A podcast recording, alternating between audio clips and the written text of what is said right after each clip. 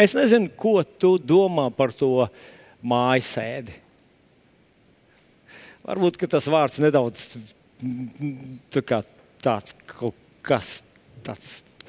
Tāds nepatīkams. Manā, manā kā, vārdu klājumā man tas, tas vārds neizraisa nekādas simpātijas un nekā, neko patīkamu. Un es pateicīgs esmu Dievam, kad, kad, nu, kad tas laiks arī beidzās. Bet tajā pašā laikā es saprotu, un es ceru, ka, tas, uh, ka tu to redzi tāpat, ka tas jau nu, neļauj mums atslābt tieši otrādi. Tagad, kad ir brīvi, jā, var darīt daudz vairāk. Tagad nu, tā atbildība ir vēl lielāka.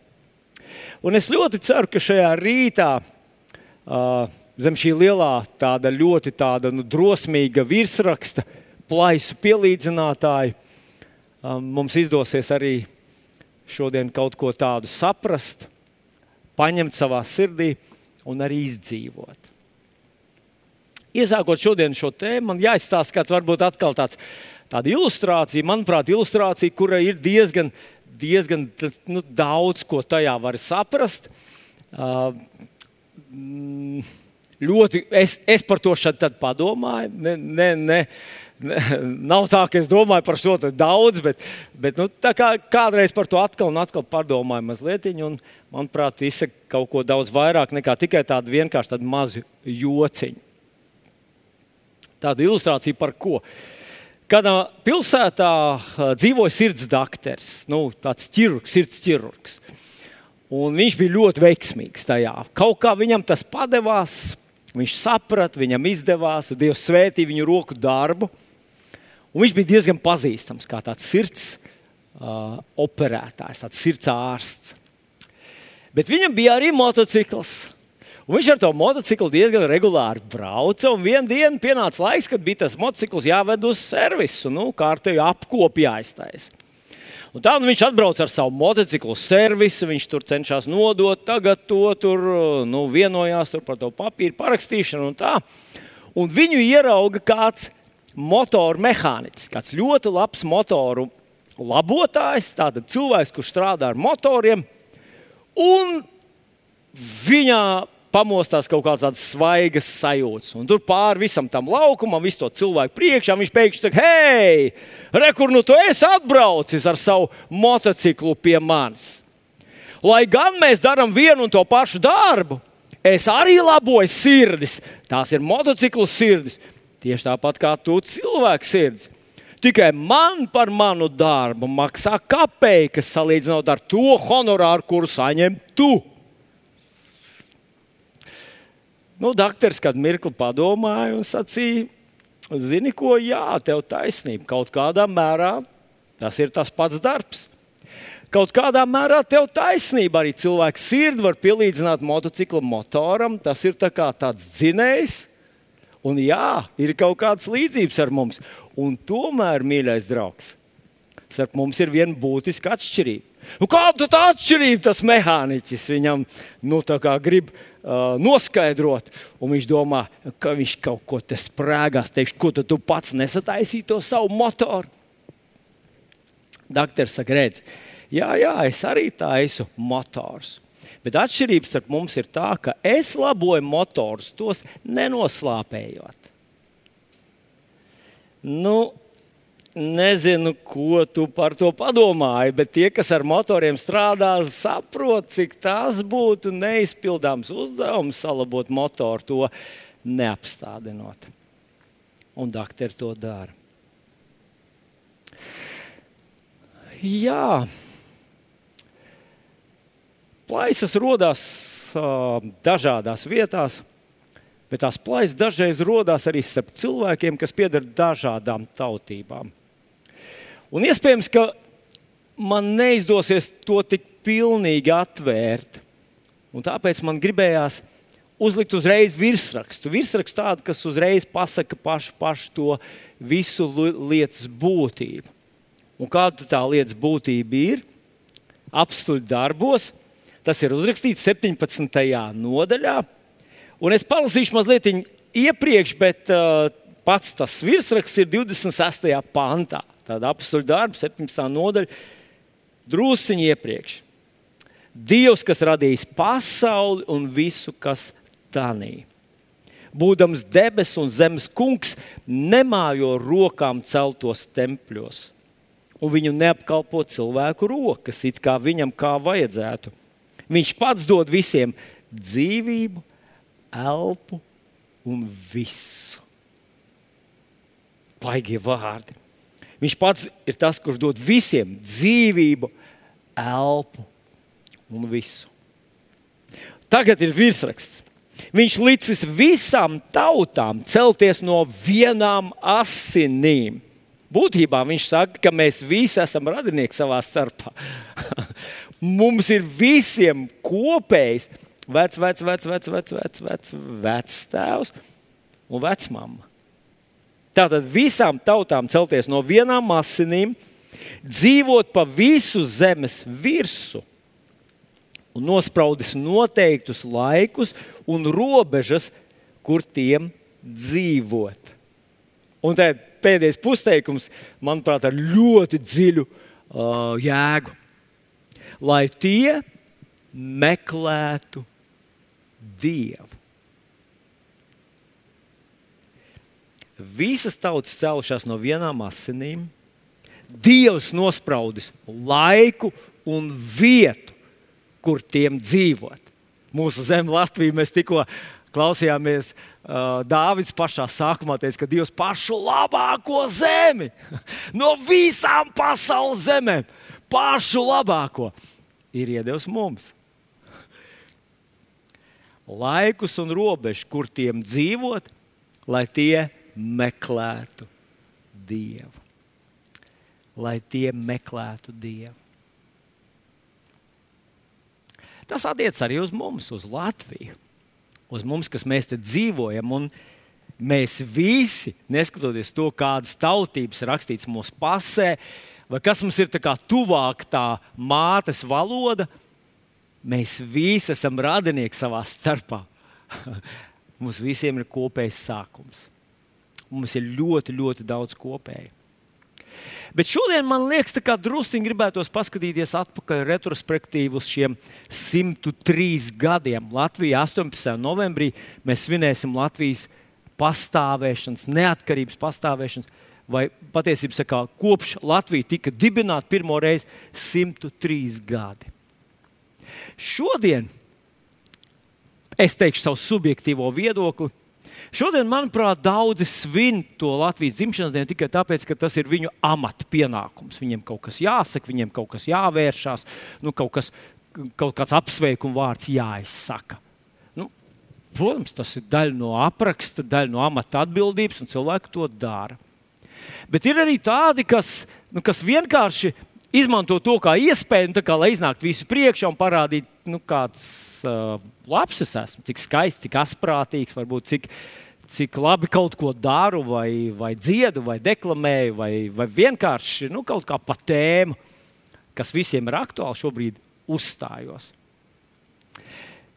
Bet man radās tāds jautājums, vai tie cilvēki, kas šodien ļoti bramanīgi un ļoti drosmīgi runā par varoņiem, un kareiviem un drosmīgiem un tā tālāk, vai tad, ja tas notiktu, ja viņi atrastos šajos atbildīgajos notikumos 103 gadus atpakaļ, tajā 18. novembrī, 18. gadā, un tad visas tās tālāk, tās visas tās darbības, kur viņi atrastos?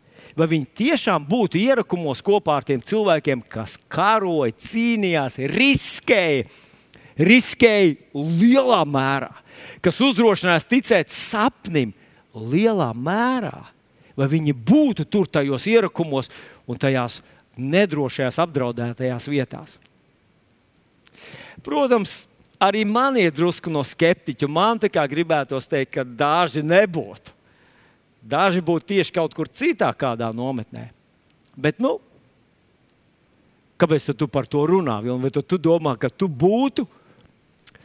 Es neesmu ļoti augstās domās par sevi. Bet ziniet, kādas domas man atnāca domājot par šo te visu? Man radās tāda pārliecība, ka tie lēmumi, varbūt ne tik fiziski un ne tik burtiski, ir šodien, arī šodien, un īsnībā visā Latvijas vēsturē, un varbūt arī nākotnē, tiem cilvēkiem tie lēmumi ir jāpieņem atkal un atkal un atkal. Citiem vārdiem, nepietiek ar to, ka mēs svinam tos senos notikumus un slavējam tos cilvēkus, kas tur bija un uzdrošinājās. Šodien mums būtu jāseko viņu piemēram un jārīkojas tieši tāpat, kā rīkojās viņi. Un, lai palīdzētu mums to saprast, es mēģināšu tādu nelielu ekskursu, pavilkt jūs atpakaļ un mēģināt savā nevēsturnieku valodā, bet tomēr nedaudz uzzīmēt to ainu, kāda bija tajā 18. gadā, un, un tās izvēles, kuru kuras, vai kuru priekšā stāvēja ne tikai tie dibinātāji, bet visa Latvijas kopiena, visa Latvijas sabiedrība, visa Latvijas tauta. Un ne tikai Latvija, latviešu tauta, bet arī tie cilvēki, kas dzīvo šeit, kas varbūt nemaz Latviju, sevi par latviešiem nesauc. Nu, tā tad, kā tad tas bija? Starp citu, manuprāt, tas ir ļoti biblisks arī tāds nu, mm, piemērs vai paraugs, kā rīkoties. Jo interesanti, kad mēs lasām Pāvila vēstulē korintiešiem, 1. korintiešiem, 10. nodaļā, viņš runā par tēviem. Viņš tā kā saka, hei, jūs tēvi, jūs priekšteči toreiz darīja tā un tā un tā, un viņi pieļāva tādas un tādas kļūdas, vai to viņi izdarīja pareizi, un tāpēc viņš saka, lai mēs no tā mācāmies. Nu, rekāds pāns. Tātad 1. korintiešiem 10. es lasu no paša sākuma mazliet, un tad apstāšos pie 11. panta. Brāļi, es gribu jums atgādināt, ka mūsu tēvi visi bijuši apakšpadebeši, visi gājuši cauri jūru, visi padebesi un jūrā uz mūzu kristīt, visi baudījuši to pašu garīgo barību, viņi dzēruši to pašu garīgo dzērienu, jo tie dzēri no garīgās klints, kas tiem gāja līdzi, un šī klints bija Kristus. Un tālāk ir šokējoši vārdi bet uz lielāko daļu no viņiem dievam nebija labs prāts. Nu, mēs visi domājam, ka uz mani dievam jābūt labam prātam. Es taču esmu tāds nevainīgs, mazs mīļš, uh, cīnītājs par savām tiesībām. Bet mācīsimies no, no piemēriem, vai mācīsimies no pareiziem piemēriem. Un, manuprāt, tas ir tas, ko apelsīns Pāvils arī tieši saka, ka tās pašas izvēles stāv mūsu ceļā šodien. Un tagad 11. pāns. Viss tas viņiem notic zīmīgā kārtā un ir rakstīts par brīdinājumu mums, kas esam nonākuši līdz laiku beigām vai kas mēs stāvam no tādu pašu izvēļu priekšā. Nu, tā tad 1918. gads, 18. novembris ir tās datums, ko mēs visi svinam. Kāda tā situācija pasaulē ir? Situācija pasaulē ir sekojoša. Un tā ir, ka tikko beidzies Pirmais pasaules karš. Kā mēs zinām, Pirmajā pasaules karā, līdzīgi kā Otrajā pasaules karā, galvenais agresors un kara izraisītājs bija ķēzeriskā Vācija. Vācija teica, mēs esam pārāk mazi, mēs esam pārāk liela, nozīmīga tauta. Mums ir jāpaplašina savas robežas, un Vācija iesāka savu karu, kuru viņi zaudēja. Vācija zaudēja savu karu un šo karu, un kara galvenie uzvarētāji bija Francija un Anglija, ja es pareizi atceros. Lielbritānija un Francija bija galvenie kara uzvarētāji.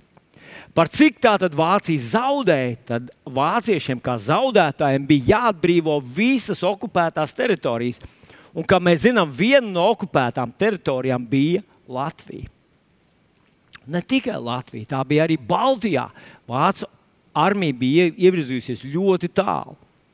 Tātad vācieši ir zaudējuši, un viņiem pavēl, paģēra, lai sakautā valsts atvāc visus savus karaspēkus prom, tā izskaitā no Latvijas. Bet mums blakus ir arī lielā Krievija. Lielajā Krievijā, kā mēs zinām, 17. gadā norisinājās agrāk to sauc par lielo sociālistisko oktobra revolūciju. Bet kā mēs zinām, tā bija ļoti asiņoņa, ļoti asiņaina, ļoti destruktīva pilsoņu kara apvērsums Krievijā, kurā ļoti daudz cildenu, izglītota, dižana cilvēki tika nogalināti, ieskaitot caur ģimeni.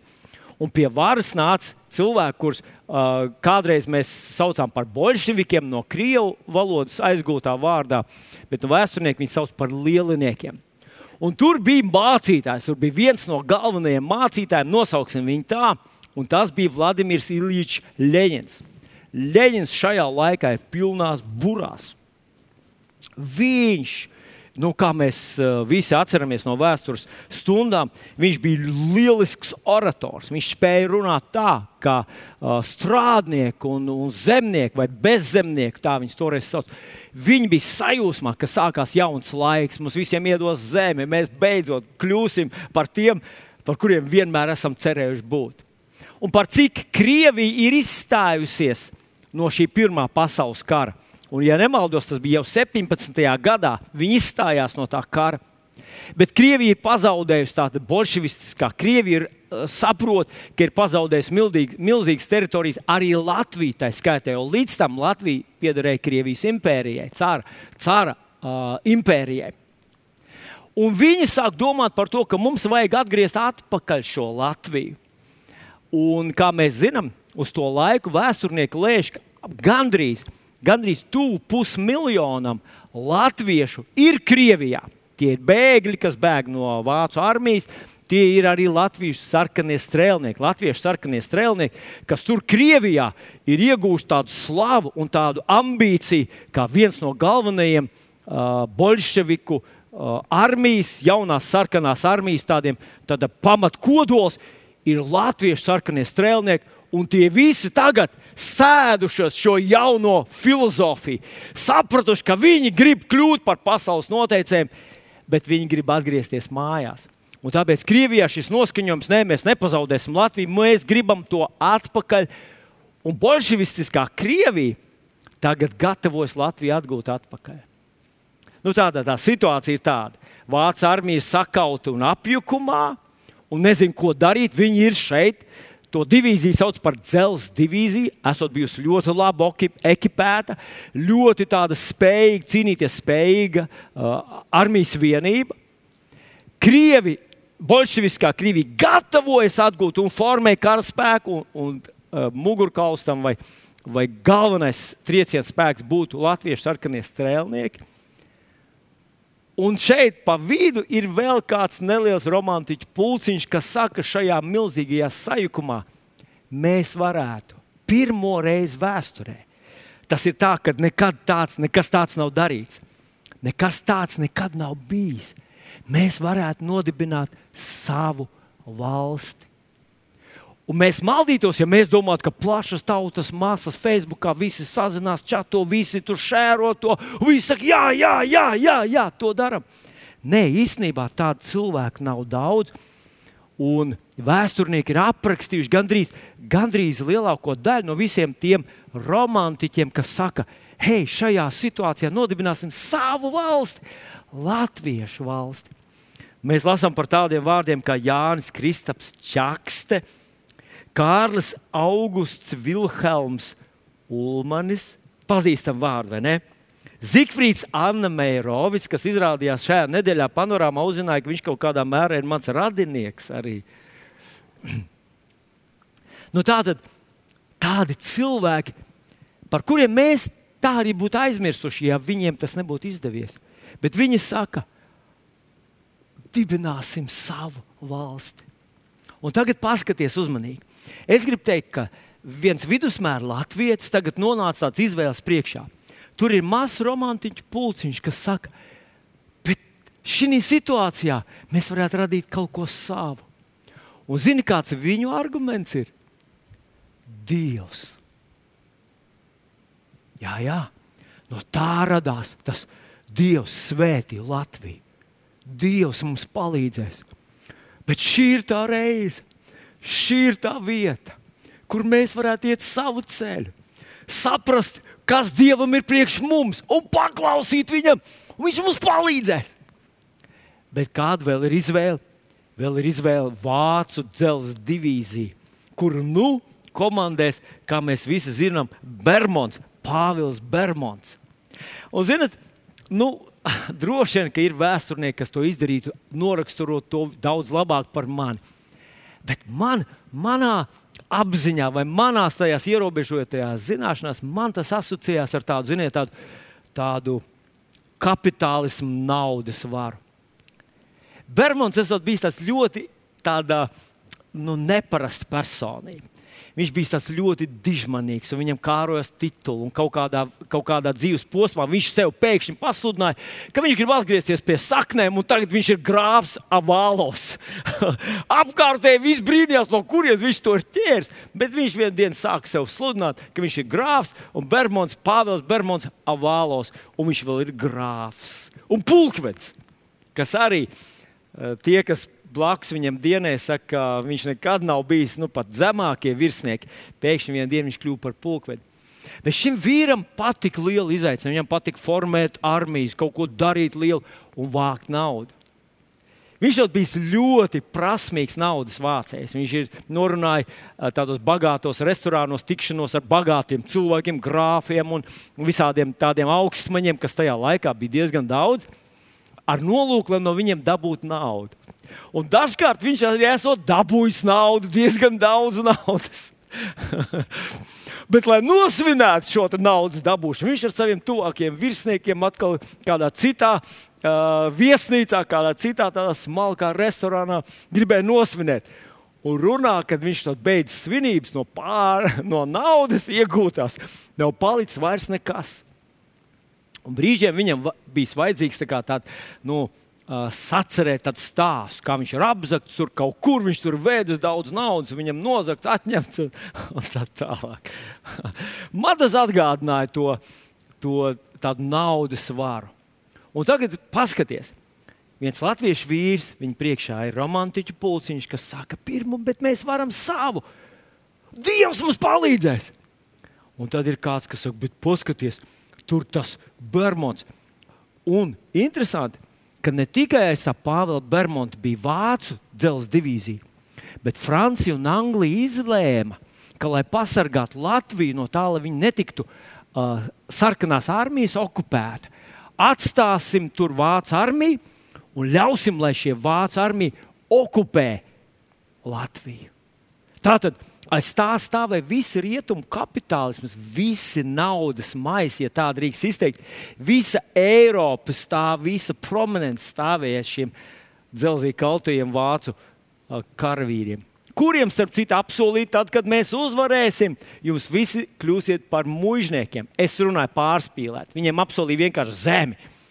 Un esot bijis tāds situācija, ka Pāvēlam Bermontam, tātad Krievu virsniekam, tā armija nomainīja, tātad, nomainīja tātad, uh, ģenerāli vai komandieri.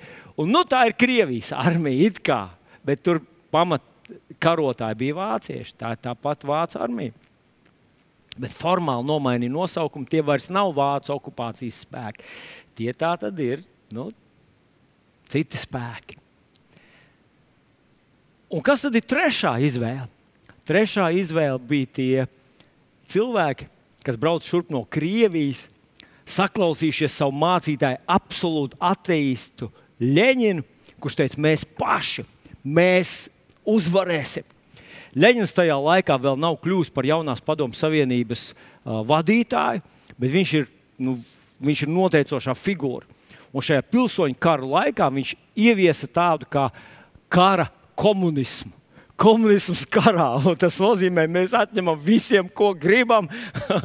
mēs darām bez likuma, bez taisnības. Vienkārši, nu, kā mēs visi pazīstam, jau zinām mazliet viņa vēsturi. Tātad šie trīs spēki. Šobrīd viens latviešu vīrs stāv krustcelēs. Vai man pievienoties tam romantiķu pulciņam, kas saka, Dievs mums palīdzēs?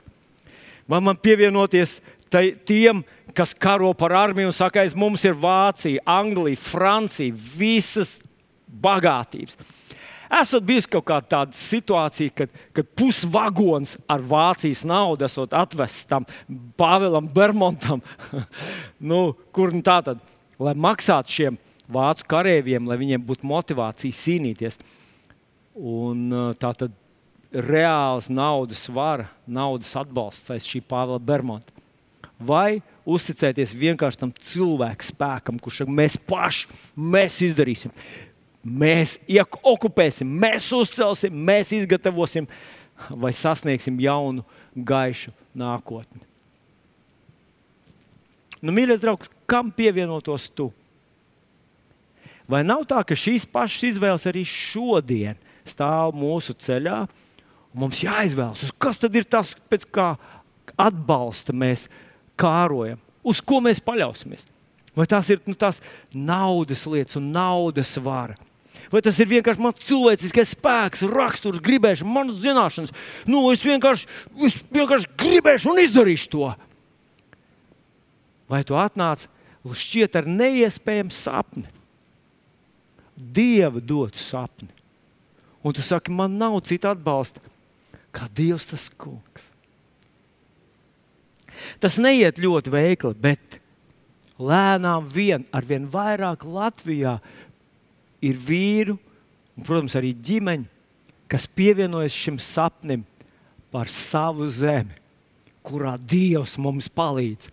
Iedomājieties, visā šajā milzīgajā putrā maza tautiņa saka, mums nav naudas, mums nav struktūra, mums nav ministrija, mums nav ierēģiņa armijas, mums nav nekā, mums ir tikai sapnis. Mūsu zeme, Dievs palīdz mums. Un lēnām tas pūks aug un aug un aug. Un aug. Un viņi sakauja vācu dzelzceļa divīziju, tāpēc mēs svinam Latvijas dienu 11. novembrī. Tas ir gadu vēlāk. Viņi sakauja to dzelzceļa kalto, labāk ekipēto, labi motivēto, labi nodrošināto vācu armiju. Sakauja šie romantiķi un sapņotāji, kuriem saka, Dievs mums palīdz un pēc tam viņi sakauja arī tos, kas atbrauc šeit no Krievijas, sarkanie strēlnieki, kas saka, jā, mums pašiem jāņem dzīve savās rokās. Dievs kopā ar cilvēku ir ļoti liels spēks, vai cilvēks kopā ar Dievu ir neuzvarams spēks. Tā sākās mūsu zeme. Tā mēs nodzīvojam 103 gadus.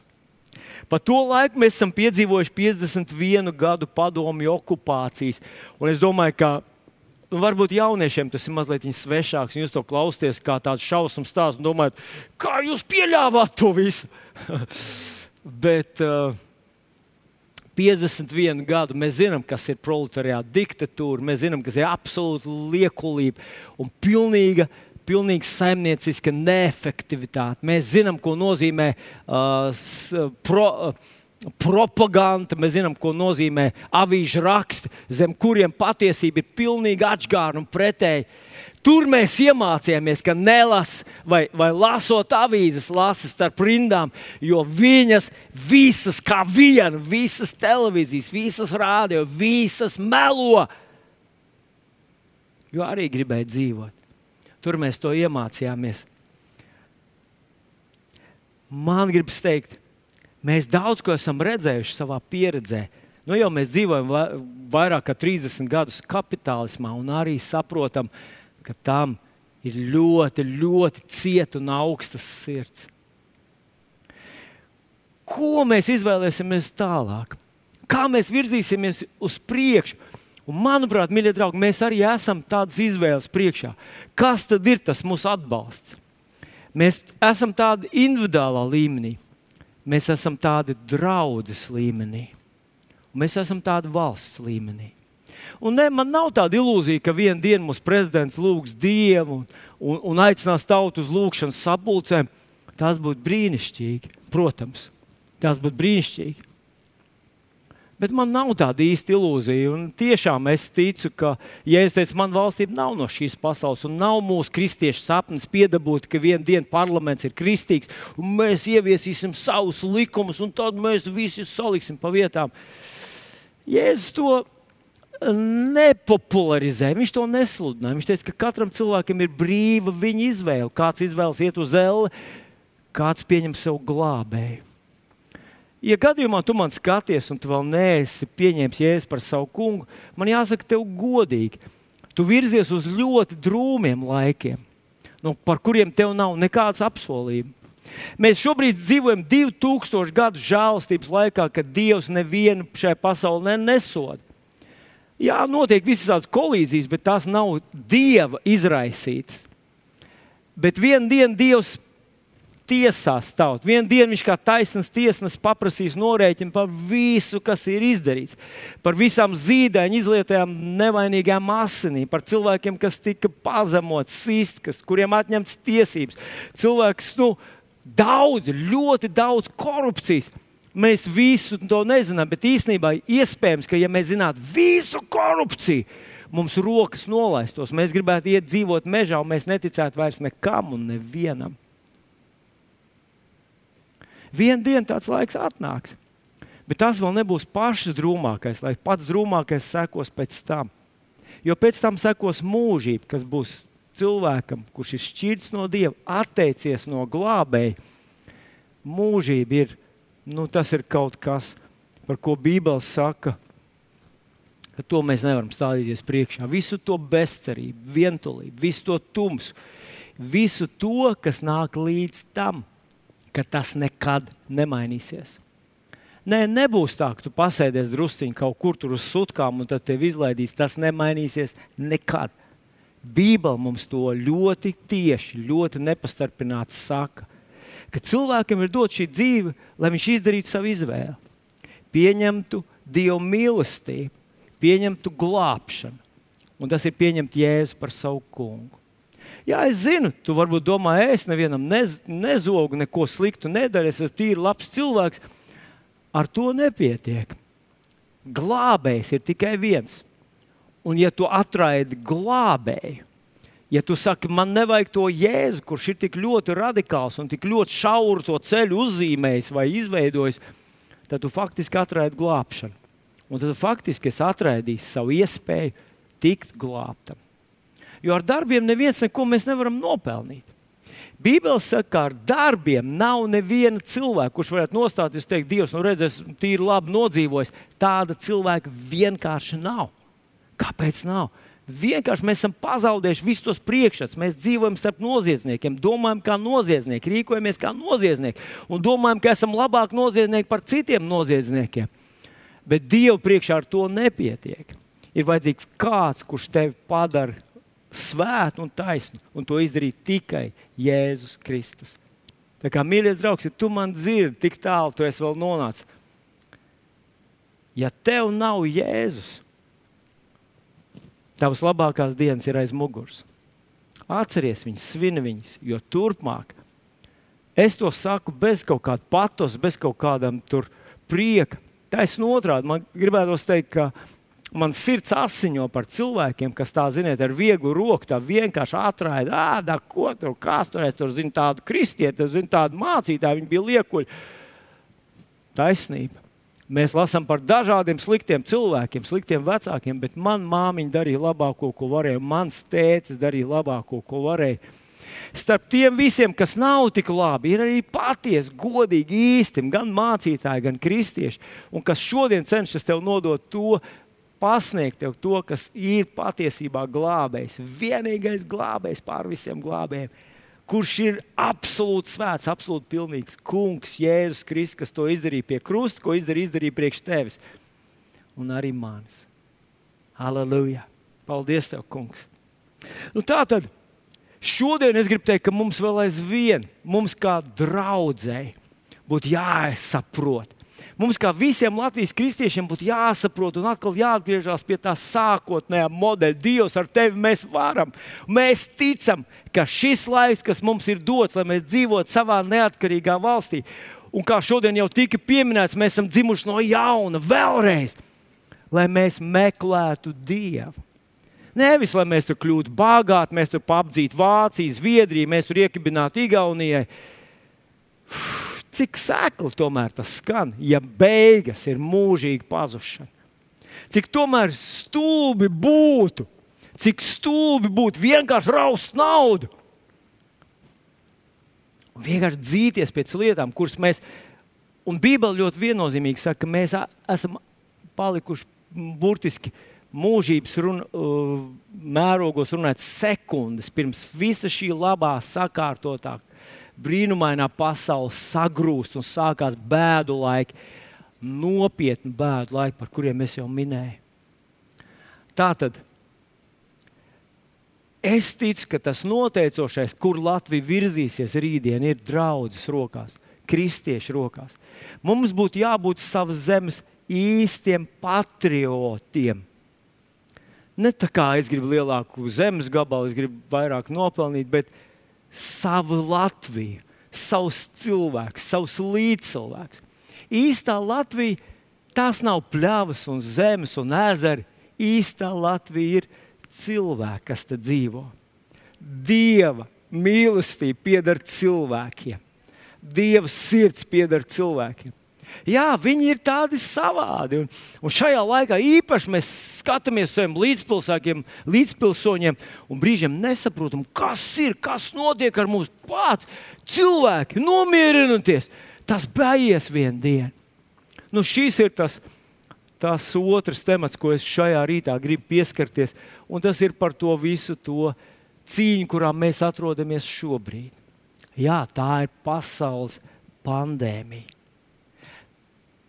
Es zinu, cilvēki saka, tā ir politika, tā ir sazvērstība, tā ir nauda, tā ir kaut kāda uh, autoritāra mēģinājuma. Bet es gribētu mazliet apstāties pie medicīnas. Tie, kas jūs man pazīstat labāk, jūs zinat, ka es kādreiz studēju medicīnu, un, un es trīs ar pus gadus mācījos. Bijis tajā laikā, laikam, visās lielākajās Rīgas slimnīcās, tur mācījies, praktizējies un centies kaut ko saprast. Bet kā tas viss sākās? Tas sākās ar to, ka es gandrīz pusgadu atrados eh, veselības iestādēs. Es biju slims ar sirds un locītavu reumatismu, pavadīju pusotru mēnesi slimnīcā. Tas bija padomu laikos. Man bija apmēram 11 gadiņi, precīzi neatceros, cik tieši. Tad es biju slimnīcās, man ārstēja. Un, ja no sākuma tas bija kaut kas priekš manis tāds jauns un satraucošs, un, un man bija bailes, tad nonāca līdz tādai vietai, ka tagad no rīta medmās ienāk manā palātā, lai man kārtējo reizi iešpricētu uh, kaut kāds antibiotikas. Es pat nepamodos, vienkārši pavilku seju uz leju. Brīžiem viņa pati pavilka sēgu uz leju, pavilka pidžamu zemē. Nu, to, to, kas tur bija zem sēgas, un vienkārši iešpricēju, un es gulēju tālāk. Es biju tā pieredzējis pie tā. Un šajā gandrīz pusgadā, pēc tam es divas maiņas biju sanatorijā, un arī, arī viss medicīniskais personāls tur bija apkārt. Šajā laikā es saskāros ar tik daudziem cilvēkiem.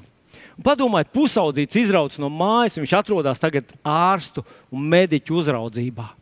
Nebija mammas blakus, nebija tēta blakus, nebija tās mīlestības, sirsnības, nebija pieskāriena, nebija nekā, kas tev mierina un iedrošina. Bija vienkārši šie doktori, mediķi. Un šajā laikā es saskaros ar tik daudziem cilvēkiem, kas bija tik sirsnīgi, tik iejūtīgi, kas gandrīz vai pieskārās manai dvēselē un atstāja tādas dziļas, mīļas pēdas manā pusauģa dvēselītē, ka man bija tāds sajūta, ka, ka esmu samīlēts. Es atceros, bija tāds zobārs, kas man uztaisīja kaut kādu zobu manipulāciju, un man pēc tam uz, uz, uzpampa vaigs. Viņa domāja, ka ir sāk, sācies sastrutojis, ka tas viss ir sastrutojis. Un viņa vienā vakarā, tas bija sanatorijā, viņa vienā vakarā man pasauca. Viņa bija viena pati, es pareizi atceros, viena pati kabinetā. Viņa saka, zina, Vilni, man ir tā sajūta, ka tur ir strutas. Un ka tā struts paša neaizies, mums ir jāatgriež vaļā tā smagana, lai tā struts no turienes izlaistu ārā. Es, ne, cik es, es varēju teikt, doktori domā, ka tā jādara. Es apsēdos tajā krēslā, un viņi sāka griezt. Sāpes bija diezgan lielas. Viņi sāka griezt ar tādu nāzi, tā smagans, un viņi teica, zini, ko nekas nelīdz. Laikam tur vēl dziļāk ir tas trūcis. Un viņi griez otrais, vēl dziļāk. Sāpes bija tādas, ka acis ābolu līd ārā no, no, no dobumiem. Un tad viņi teica, nē, nē, tur nekā nav, tur nekas nenāk. Vai piedod, piedod bērniņi. Un, un, Un, zini, un es gāju prom, es biju izcietis liels sāpes. Bet tajā pašā laikā no tās viņas attieksmes tas bija tik mīļi un tik sirsnīgi. Es nejūtos, ka man kāds nodarīs kaut ko briesmīgu pār viņu, gribēju palīdzēt. Toreiz bija cita apstākļi un citas iespējas. Kādu laiku vēlāk, es mācījos jau 9. klasē, Es braucu tramvajā no divkalpojuma. Viens draugs brālis piestājās man blakus. Viņš tā man vienkārši pajautāja, nu, par ko tu, tu kļūsi, ka tu izaugs liels. Nu, un es tā, nu, kā jau pusauģiem tajā laikā, es teicu, es nezinu. Un viņš man saka, kāpēc gan tev nekļūt par mediķu, kā es esmu? Un tajā mirklī visas tās sajūtas, visas tās ainas, kuras es biju tur redzējis, un nepiešķīris viņam nekādu lielu vērtību, pum, kļūt dzīves manā. Un es sapratu, jā, es to gribu. Cilvēki bija pieskārušies man ar tādu mīlestību un iejūtību, un es sapratu, ka wow, tā ir brīnišķīga lieta, ko turpināt un ko darīt. Pabeidz 9. klases, devos uz sarkanā krusta medicīnas skolu un iestājos tajā. Biju zaudējis vienu gadu, bet es nonācu tur un es sāku mācīties medicīnu. Zini, ko tas apmēram otrā kursa sākumā jau bija kaut kāds pamatprasmes apguvis. Pamatprasmes, domāju, viduslaika medicīnas pamatprasmes. Un viena no tām bija fonendoskopu ielikt ausī e, trubiņas un pielikt tādu klausulīti klāt un paklausīties cilvēku sirdi, piemēram. Zini, tu aizej uz, uz slimnīcu, un tad doktors, kurš pamāca un māca tev tās sirds slimības, sāk paklausties veselu cilvēku sirdi. Un tu pieliec to fonēzoskopu, klausies, ah, tā ir vesela. Tagad jūs dzirdat, kā aizslima ritmu traucējumu, pieklausieties, jūs dzirdat vesela, tā ir slima. Un tu centies ierakstīt tev sātni. Tā skan slima sirds, tā skan vesela. Te jūs dzirdat vārstuļu problēmas. Dzirdat, kā veselu vārstuli aizvaras tā, pup, un tā ir cieta. Tagad jūs dzirdat, kāda trokšņa ir slimai vārstulē. Ah, vesela vārstule slima vārstule, vesela vārstule, vesela sirds, slima sirds. Tā tu iemācījies klausīties plaušas, tā tu iemācījies, iemācījies uzpalpēt aknu robežu. Aknas ir cietušas, aknas ir palielinātas, tās iz, iz, izlīdus pāri ribu robežai. Aha, tā ir problēma, tā ir problēma. Asins grupas. Nu, Visādi tāds lēnītiem atvērās pilnīgi jauna pasaule. Es atceros, otrā kursa, kā otrā kursa students Man liekas, ka es jau esmu gatavs ārsts. Es visu zinu, māku asinsspiedienu izmairīt, paklausīties sirdi, māku sataustīt aknu robežu. Nu, vēl kaut kādas lietiņas, kuras es šobrīd uzreiz neatceros. Es atceros, teica, kopa vienu vecu kundzīti, un viņi visu laiku man aicināja, lai nāk doktors un mani apskata. Un es klausījos sirdi, klausījos plaušas, tur skatījos kaut ko, centos viņai palīdzēt. Es jutos kā īsts ārsts. Tas bija 30 gadu atpakaļ, un es biju otrā kursa students tikai. Pa to laiku visas tās tehnoloģijas ir tikai attīstījušās. Un ziniet, kas man šokē kādreiz, kad es sastopos ar cilvēkiem, kas. Uh, ko lūdzu? Tas, jā, tas bija daudz vairāk, kā 30 gadus atpakaļ. Man sieviete man palaboja, ka tas ir krietni ilgāk. Bet ko es ar to gribēju teikt? Ka esmu sastapies ar kristiešiem, kuriem ir ļoti naidīga attieksme pret medicīnu. Cilvēki, kas saka, dakt, ka zāles tabletēs ir dēmona barība, ka vispār zā, tie, kas iet pie ārstiem, tie ir vispār pazuduši cilvēki, tie ir nu, gandrīz nodot savu kungu, jo tas kungs ir mans ārsts un ne, nedrīkst iet pie kā, ne, kādiem citiem ārstiem. Un, zinat, un manī tas ļoti disonēja, jo es biju saskāries ar ļoti sirsnīgiem, ļoti nesautīgiem cilvēkiem, kas uzņēmās par mazām naudām, kā mēs zinām, padomu laikos, vienkārši darīja labu. Un tad es atradu Bībelē tādas vairākas raksturvietiņas, kas man izmainīja visu priekšstatu par to. Un tas ir Lūkas evanģēlijas desmitā nodaļa. Mēs zinām šo, te, šo eh, tēlu, kur Jēzus mums atstāja visiem saviem mācekļiem, kur viņš stāsta par žēlsirdīgo samarietu un cilvēku, kurš tika sasists uz Jeruzalemes un, un Jērikas ceļa. Un tur rakstīts tā, kāds samarietis pa savu ceļu iedams, tuvojās viņam, un viņu redzot, sirds tam iežēlojās. Tad sirds tam iežēlojas, tas samarietis. Mēs zinām, ka Jēzus sevi attēlo kā šo samarieti. Un tad viņš aizlūdz, mēs teiktu, viņš aizlūdz, vai novēlē viņam, lai Dievs tev palīdz. Novēlē viņam, lai nāk, atpakaļ nākot, tev būtu labāk jau. Vai ko, ko Jēzus darīja? Tur rakstīts, viņš piegājis pārsēji viņa vātes, ieliedams tajās eļļu un vīnu. Kas ir eļļa un vīns?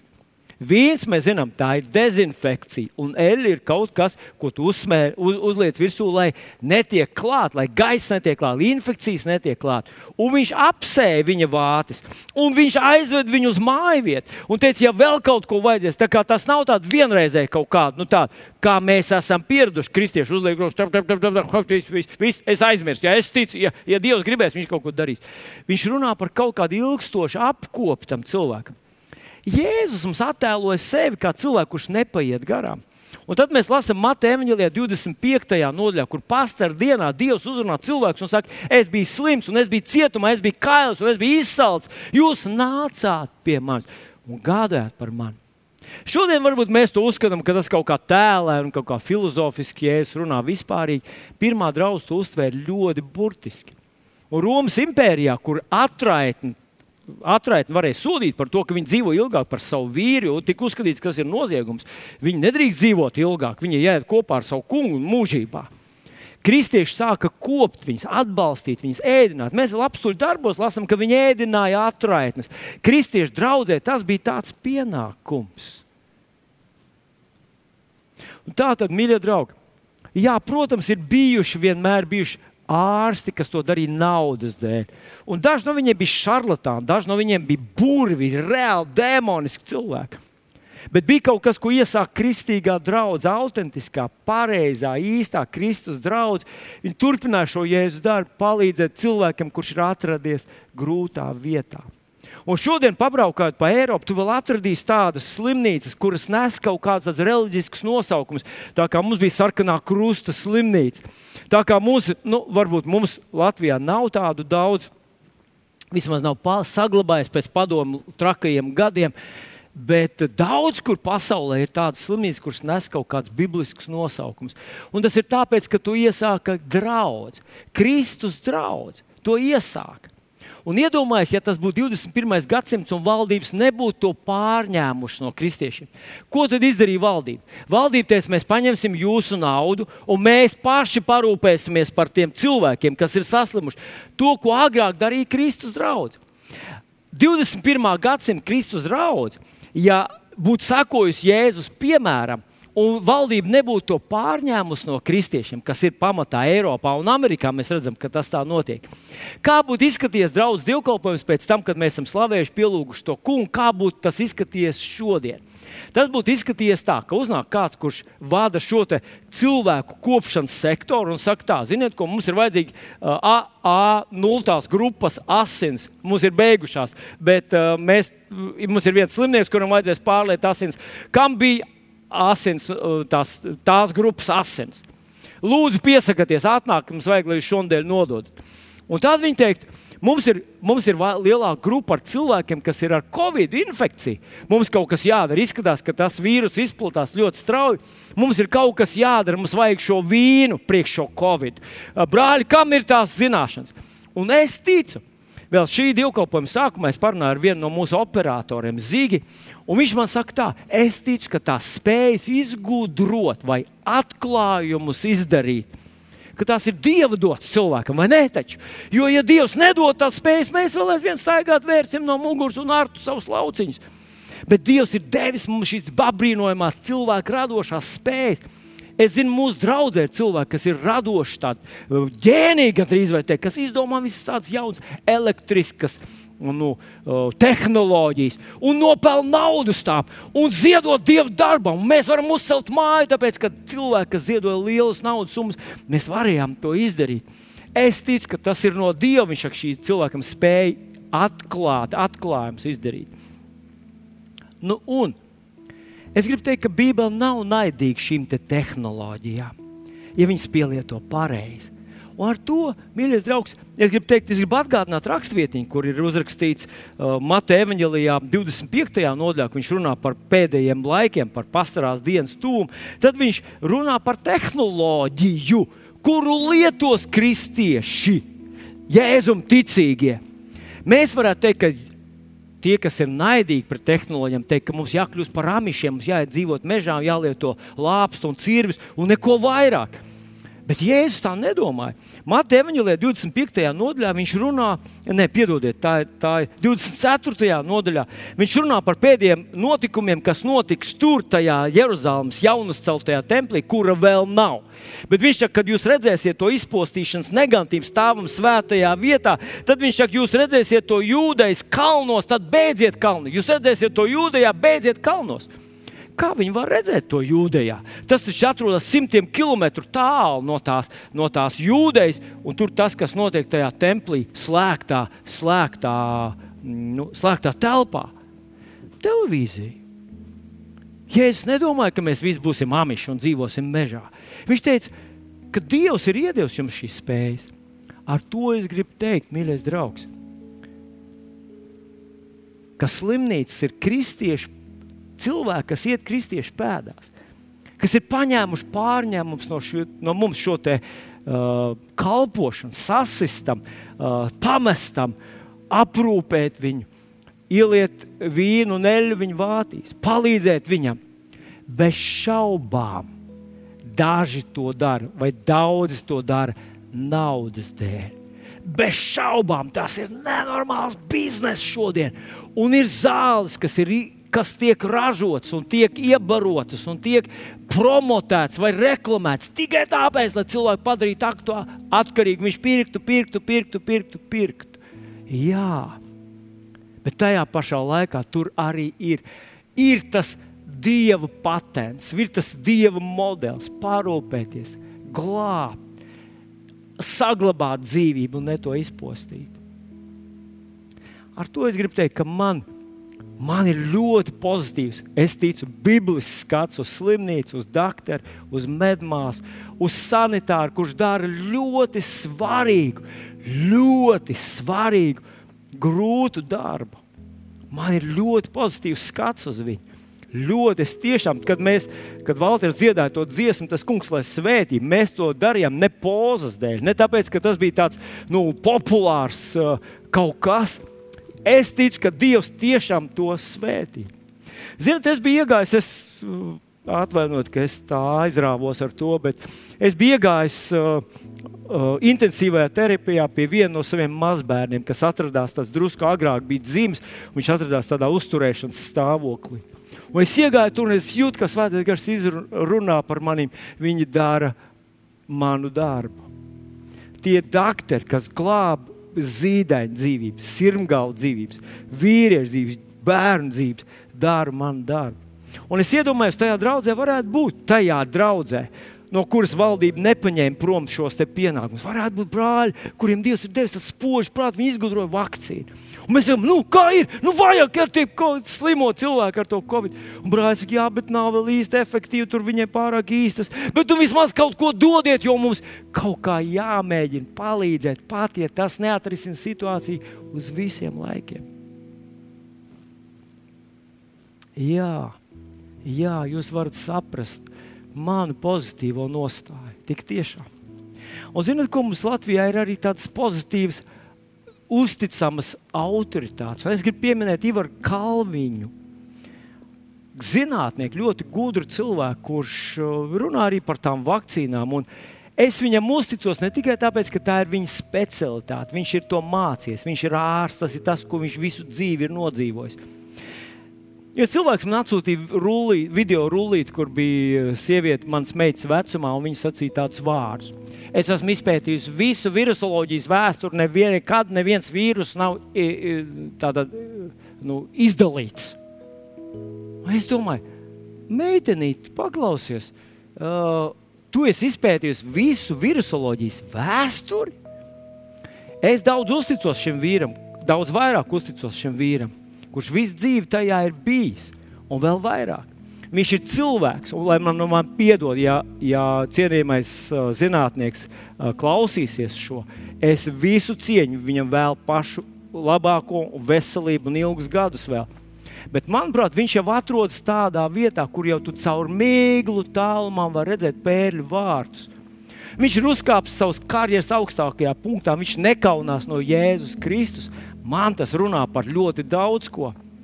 Un viņam nevajag nevienam izpatikt. Viņam nevajag nekādu kaut kādu tur, kaut karjeru uztaisīt, kādam kaut ko paprātam pateikt. Viņš runā tā, kā viņš tic, kā tas ir. Priekš manis viņš ir autoritāte. Un tagad padomā uz mirklīt, mīļais draugs. Ko tu gribētu?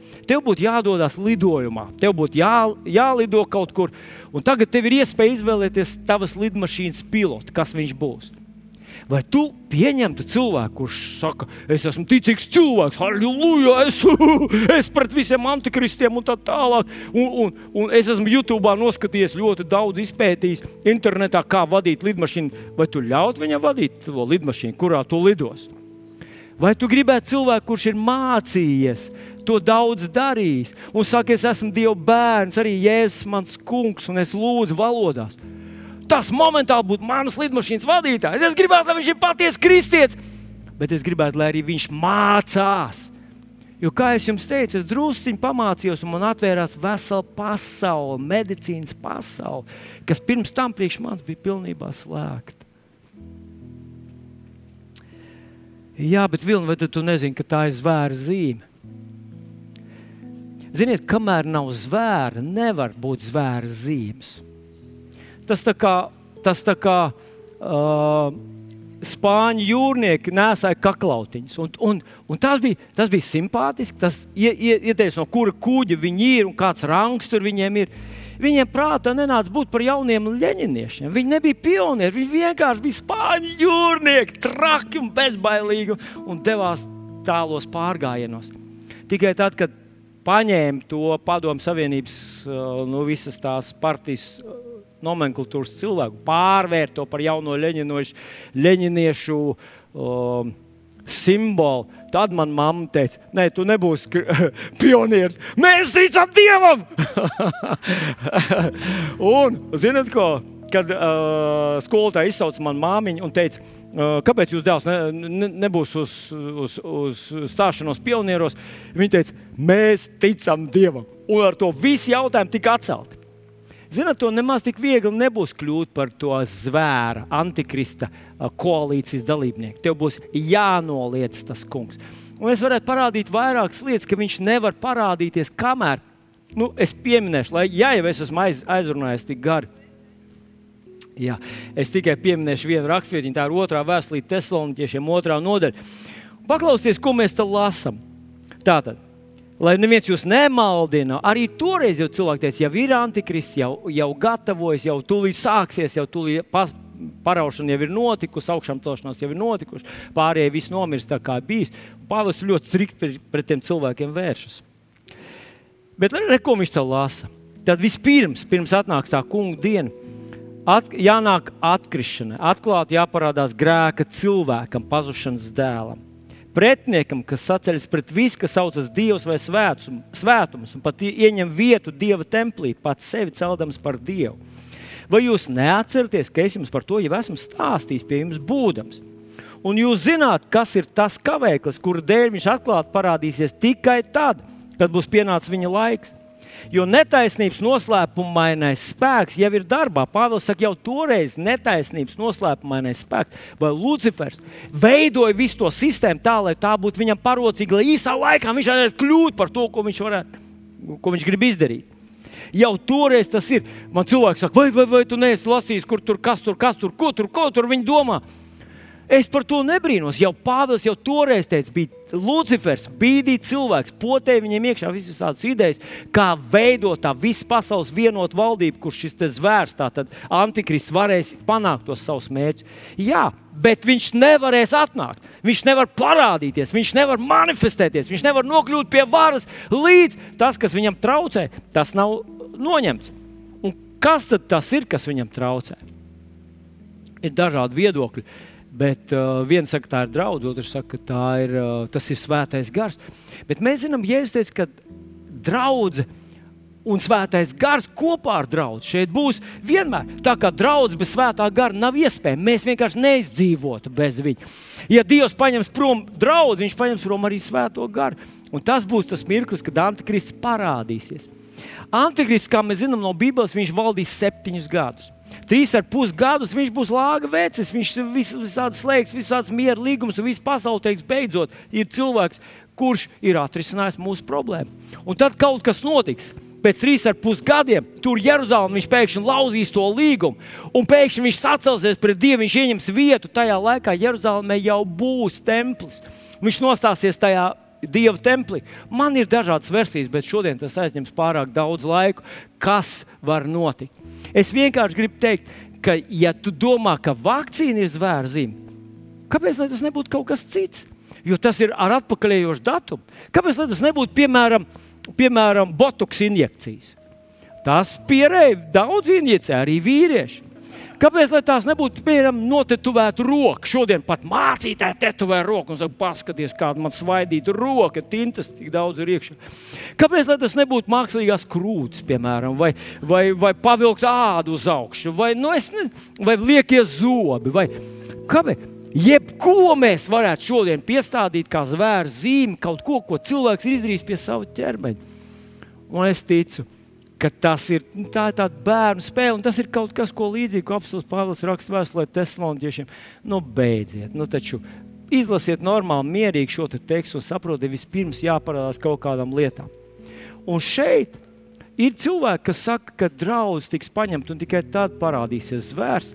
Trīs ar pus gadus, un tad būs tā viņa sacelšanās pret Dievu. Tad viņš sāks lādēt visvareno, un tad būs tas mirklis, kad viss pasaules ticīgiem būs jāizvēlas, vai viņi ticēs antikristam, vai viņi paliks pie kunga Jēzus. Ir teologi, saka, kas saka, mēs būsim prom. Ir tie, kas saka, mēs vēl būsim šeit. Mēs redzēsim, vai ne? Mēs redzēsim. Un, jā, bet vislabāk esi gatavs, mīļais brāl un māsa. Ar to es gribu teikt, ka šodien, ak, kungs, man vēl ir divas raksturvietas, kuras gribu padalīties ar jums ka šodien mēs vēl aizvien stāvam šīs izvēles priekšā. Vai mēs skatīsimies uz naudu, un mēs dzīsimies pēc naudas, vai mēs paļausimies uz naudu, vai mēs skatīsimies uz cilvēku muskuli, un iesim ar stiprākiem, lielākiem, skaļākiem bļāvējiem un, un lielākiem, uh, nu, teiksim tā, uh, demagogiem, jo Leņķis bija demagogs. Vai mēs paliksim tajā varbūt nelielajā pulciņā, bet teiksim, Dievs, Dievs palīdz mums. Mēs ticam atmodē. Mēs ticam, ka tu esi devis šo laiku, lai cilvēki glābtos, lai cilvēki glābtos. Lai man ļa, tautieši, krievi un latvieši, poļi un ukrāņi, lai baltkrievi un ebreji, lai viņi sadzirdētu šo tavu mīlestības vēstu. Un man ļoti gribētu to šodien nobeigt, jo es ticu, ka tas ir tieši tas, kas ir Dieva sirdī. Lai tie meklētu Dievu. Šis ir laiks, lai viņi meklētu Dievu